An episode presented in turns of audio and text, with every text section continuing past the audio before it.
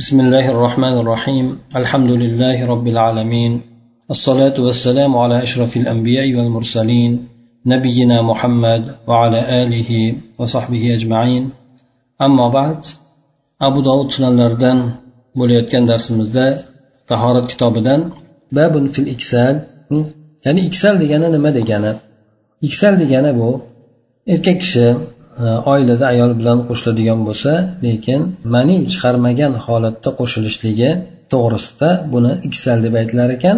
Shu shu to'g'risida kelgan bob ekan. Shunda inson nima qiladi? Yuvinishlik vojibmi yoki yo'qmi degan nima? Bu hadisni alboy rahmaulloh sahih deb keltirgan ekan. Hamda abu dovud rahmaulloh sahl ibn sad soidiy roziyallohu anhudan e, keltiradiki abu ubay ibn kab roziyallohu anhu bu kishiga xabar bergan ekan. أن رسول الله صلى الله عليه وسلم قال إنما جعل ذلك رخصة للناس في أول الإسلام لقلة الثياب ثم أمر بالغسل ونهى عن ذلك payg'ambar sollallohu alayhi vasallam o'sha narsaga ya'ni jinsiy aloqa qiladigan bo'lsa agar mani tushirmaydigan bo'lsa u narsani yuvinmasligi mumkinligini bir islomni avvalida odamlar uchun ruxsat qilingan edi bu narsa bunda kiyimlarni oz bo'lganligi sababli deb illatini keltiradi. So'ng undan keyin yuvinishlikka buyurilgan hamda o'shandek yuvinmay qolishlikdan esa qaytarganlar deb ubay ibn kab roziyallohu anhu aytib o'tadilar endi. Ya'ni payg'ambar alayhissalomdan bilgan holatini shunday deb aytib o'tadilar. Bu yerda demak e, bu mani to'kmasdan aloq qilishlikdagi bo'lgan ya'ni yuvinmasa bo'laveradi degan ruxsat islomni avvalida bo'lgan ekan bu keyinchalik nasx qilingan deb bu iboradan tushunishligimiz mumkin bo'ladi. Bu yerda endi sababini keltirib aytadiki kiyimlarni oz bo'lganligi sabablik deydi. Mana boshqa bir hadislarda keladiki sahobalardan payg'ambar alayhissalom bilan birga shu avval islomni avvalgi bo'lgan davrlarida hech qaysi birimizda ya'ni ittidan kiyim bo'lgan odamni bilmayman hammamizda bir bittadan kiyimimiz bor edi xolos deb ba'zi sahobalar keltirib o'tadi. Nima uchun kiyimni oz bo'lganligi uchun bu narsaga ruxsat berilgandi. Allohu alam. Chunki bu yerda bularda o'sha bitta kiyim bo'lganligidan e, qiynalib qolishligi bu e'tiborga olingan deb olimlar aytishadi. Bundan tashqari mana ba'zi olimlar aytib o'tishadiki allohu alam bu yerda islomni avvalida sahobalarni e, ya'ni e, mustahkam bo'lib qolishligi davrigacha o'shanga ruxsat berilganda sal ular iymonda mustahkam bo'lib o'rnashgandan keyin bu ommatan keyin keyin bu narsa nasx qilingan deb ham ba'zilar aytishadi. Yana ba'zi rivoyatlarda kelar ekanki sabati degan siyabi emas balki sabati deb.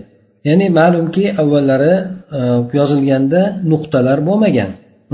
Bu se yo belar nuqtalari bo'lmagan. O'shanda e, siyabiyni sabati deb o'qishlik ham mumkin bo'ladi. Ana shunaqa rivoyat ham bor ekan. E, bu yerda o'sha sabotni mahkam bo'lmaganligi ya'ni odamlarni dinidagi avvalda bo'lgan sal nozikligi yangi dinga kirganligi sababli. Ana o'sha narsalar o'tib ketgandan keyin payg'ambar alayhissalom buni mahkamlashtirib qattiqlashtirib qo'ydilar deb aytiladi aytishadi ba'zi olimlar. Quyidagi hadislar ham mana shu mavzuga aloqador bo'lib o'tadi. E, buni abu dovud rahimalloh aytgandan keyinki alma minal ma deb turib. Alma minal ma degani e, har xil olimlar buni tafsir qilishgan ba'zilar aytadiki agar e, mani keladigan bo'lsa unda suv bilan yuvinishlik bo'ladi degan mazmunda aytgan deb aytishadi ham. Ba'zilar aytadiki yo'q inson uyqusida agar mazi mani keladigan bo'lsa mani keladigan bo'lsa uyqusida unda yuvinadi. Agar mazi chiqadigan bo'lsa unda yuvinmaydi degan ma'noni ham ba'zilar aytib o'tishadi. Ikki yuz o'n beshinchi hadisda alboy rahmaulloh buni sahiy deb keltirgan ekan. Bu yana yuqoridagi sahl ibn sad roziyallohu anhudan rivoyat qilinadi menga ubay ibn kab roziyallohu anhu hadis qilib aytdilar hop أن الفتية التي كانوا يفتون أن الماء من الماء كانت رخصة رخصها رسول الله صلى الله عليه وسلم في بدء الإسلام ثم أمر بالاغتسال بعد sahobalar fatvo beradigan ya'ni suv bo'lsa keyin mani bo'lsa keyin suvda yuvinadi yuviladi degan deb fatvo beradigan fatvo bu payg'ambar sallallohu alayhi vasallam islomni avvalda ruxsat bergan ruxsat edi. So'ng undan keyin yuvinishlik bilan bu narsa yuvinishlikka buyurildi. Odam payg'ambar alayhisalom yuvinishlikka buyurdilar deb keltirib o'tadi. Bu fatvo beruvchilar usmon roziyallohu anhu ali roziyallohu anhu yana bir qancha sahobalar mana shu narsa bilan fatvo berishardi deydi. Shuning uchun bu narsada olimlarni o'rtasida biroz ixtilof bor. Bu zohiriya mazhabida ko'proq mana shu fatvoga asoslanishgan ekan. Ya'ni agar mani chiqmaydigan bo'lsa aloqa paytida unda yuvinishlik shart emas degan gapni aytishar ekan. Lekin mazhab olimlari ko'plab mazhab olimlari albatta suv chiqadimi yoki mani chiqadimi yoki chiqmaydimi albatta aloqa bo'ladigan bo'lsa yuvinishligi vojib bo'ladi deb aytib o'tishadi. Bunga mana quyidagi bo'lgan hadisni ham rivoyat qilib aytishadi. Bu hadisga alboy rahmaulloh sahiy deb ishora qilgan. Abu dovud rahmaulloh esa buni abu hurayra roziyallohu anhudan rivoyat qilinadi. Ya'ni payg'ambar sallallohu alayhi vasallam aytdilarki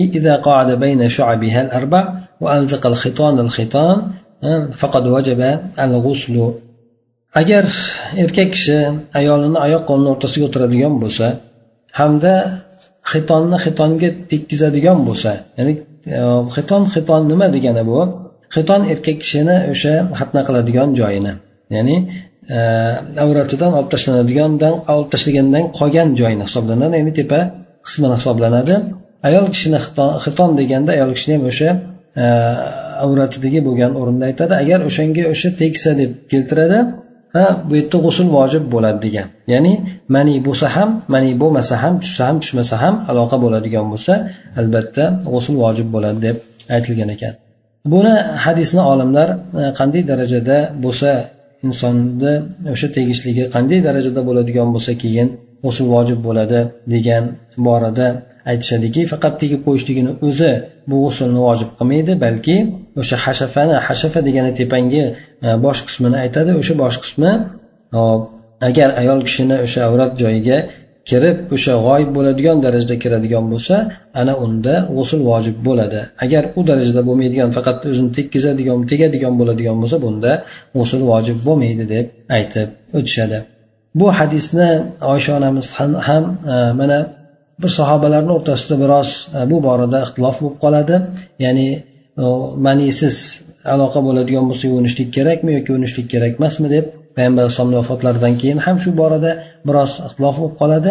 Shunda abu muso ashar roziyallohu anhu muhojirlar bilan ansorlarga aytadiki men sizlarni hozir e, rohatlantiradigan xotirjam qiladigan bir bu ishda xotirjam qiladigan so'zni olib kelaman deb oysha onamizni oldiga boradilar. Hamda oysha onamizdan ayni mana shu narsa haqida so'raydilar. Ya'ni hijolat bilan so'ragan paytlarida oysha onamiz bu hijolatni ketkazib aytadilarki men sizlarni onalaringizman e, bu shariatda so'rayveringlar deb aytganda payg'ambar alayhissalom ya'ni nima narsa e, g'usulni vojib qiladi deb aytganda oysha onamiz aytadilarki ayni e, o'zi odamidan so'radingiz.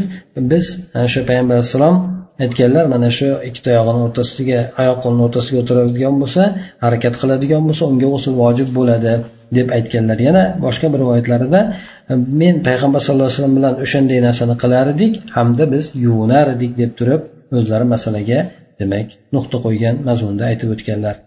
Demak mazhab olimlari ko'plab olimlar aytishadiki bu avvalda bo'lgan e, manisiz e, bu aloqa bo'ladigan bo'lsa yuvinishlik kerak lozim bo'lmaydi degan e, hukm yoki fatvo bu islomni avvalida bo'lgan keyin esa bu narsa yuvinishlik kerakligi to'g'risidagi bo'lgan rivoyatlar bilan e, nasx qilingan. Ana o'sha e, mana umar roziyallohu anhu ham bu masalani hal qilishlik uchun oysha onamizga odam yuboradi.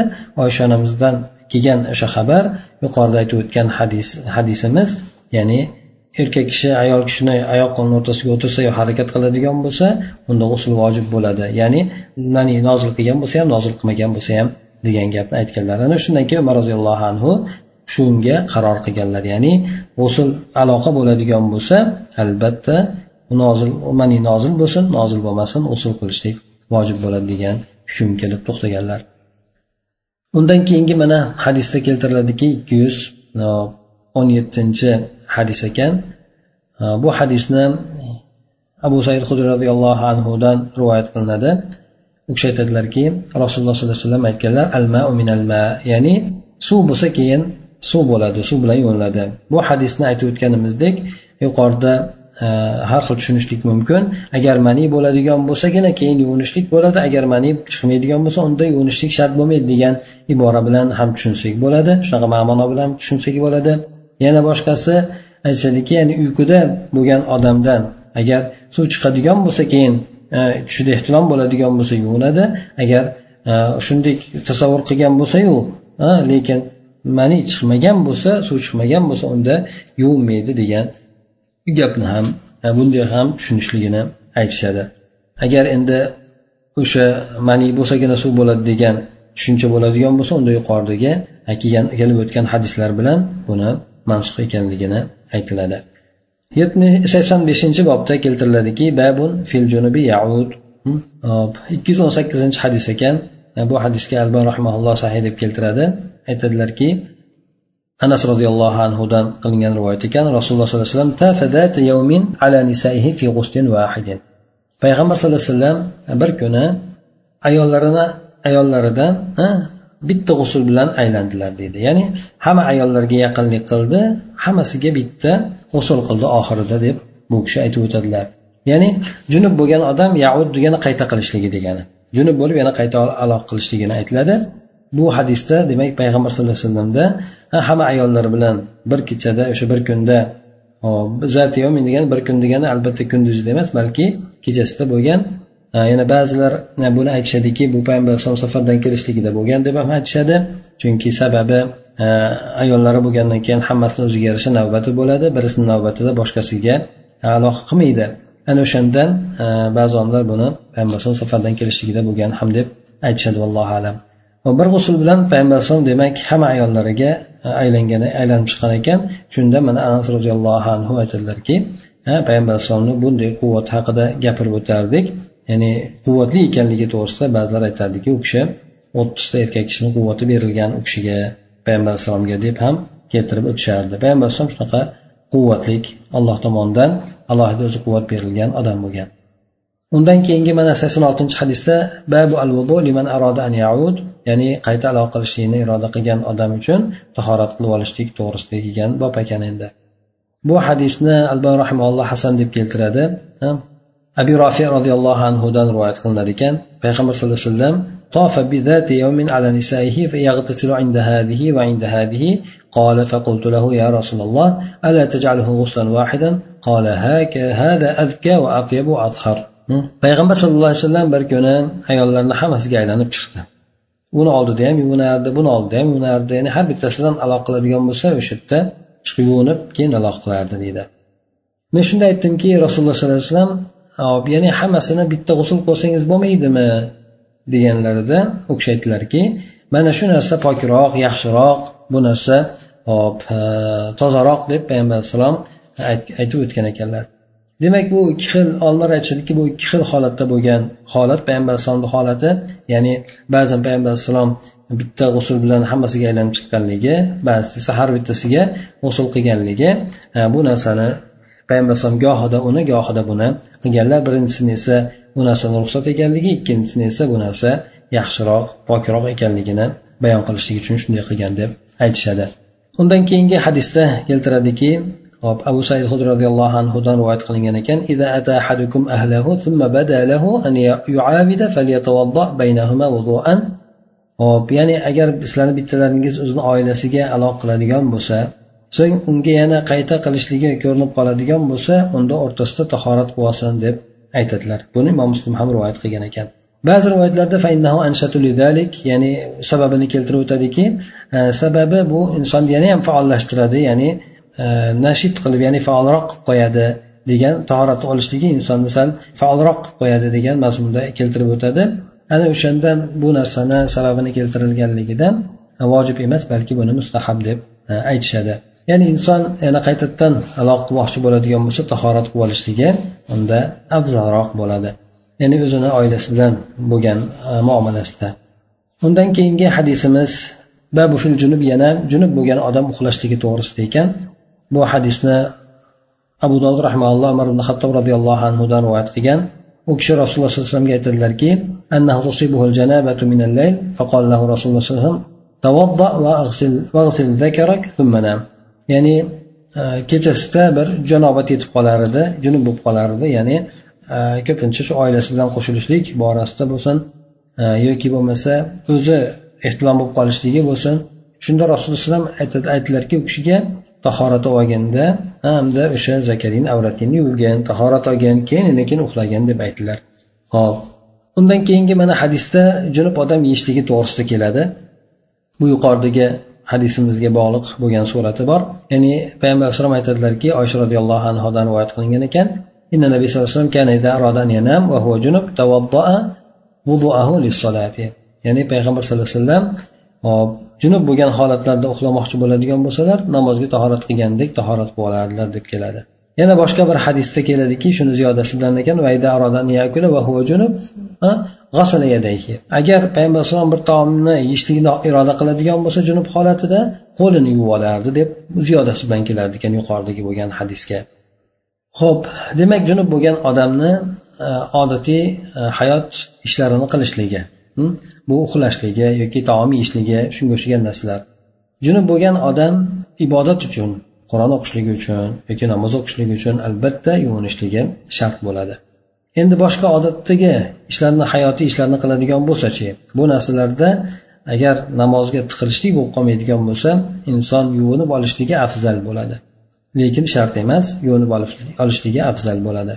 Uxlamoqchi bo'ladigan bo'lsa payg'ambar alayhissalom afzal yo'lga yo'llab qo'ydi tahorat olib uxlashligi bu narsa o'sha insonni o'zini e, jinlardan shaytonlardan saqlanishligiga ham foydaliroq bo'ladi hop keyin keyin vaqtinchalik o'sha nima qilishligi yuvinib e, yotishligini o'rniga o'sha tahorat qilib tahorat qilib yotishligini o'zi o'rniga kifoya qilib turadi hm? hop e, agar ovqat yeydigan bo'ladigan bo'lsa mana bir rivoyatda keladiki tahorat olishdaqa tahorat qilardilar deb keladi. Hamda birisida esa qo'llarini e, yuvib qo'ya qolardi deb aytib o'tadi. Demak rivoyatlarda bundan bu abu dovud rivoyatlaridan boshqa rivoyatlarda ham keladi. Demak agar e, ovqatlanishlikni taom yeyishlikni xohlaydigan bo'lsa bu kishi namoz e, tahorat qilib olardilar deb ham keladi. Shundan tahorat qilib olishligi ham bo'ladi hamda qo'lni o'zini yuvib olishligi ham bo'lar ekan. Demak bu ba'zi odamlar e, johil bo'lgan odamlar tushunganidek emas balki e, inson e, junub bo'ladigan bo'lsa na so'rashlik na gaplashishlik na taom yeyishlik hech narsa hamma narsani man qilib tashlashadi lekin aslida bunday emas.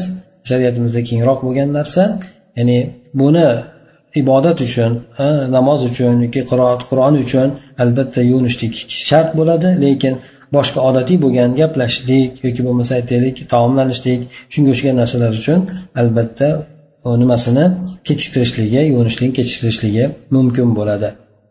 Lekin e, o'sha yuvinib olishligi bu ham afzal deb aytildi masalan uxlash uchun bo'lsin taom yeyishlik uchun bo'lsin gaplashishlik uchun bo'lsin lekin e, holat o'sha e, taqozo qilib qoladigan bo'lsa hech qanaqangi bir haratsiz bu narsalarda uxlashligi yoki bo'lmasa tahorat taom yeyishligi gaplashishligi mumkin bo'lar ekan.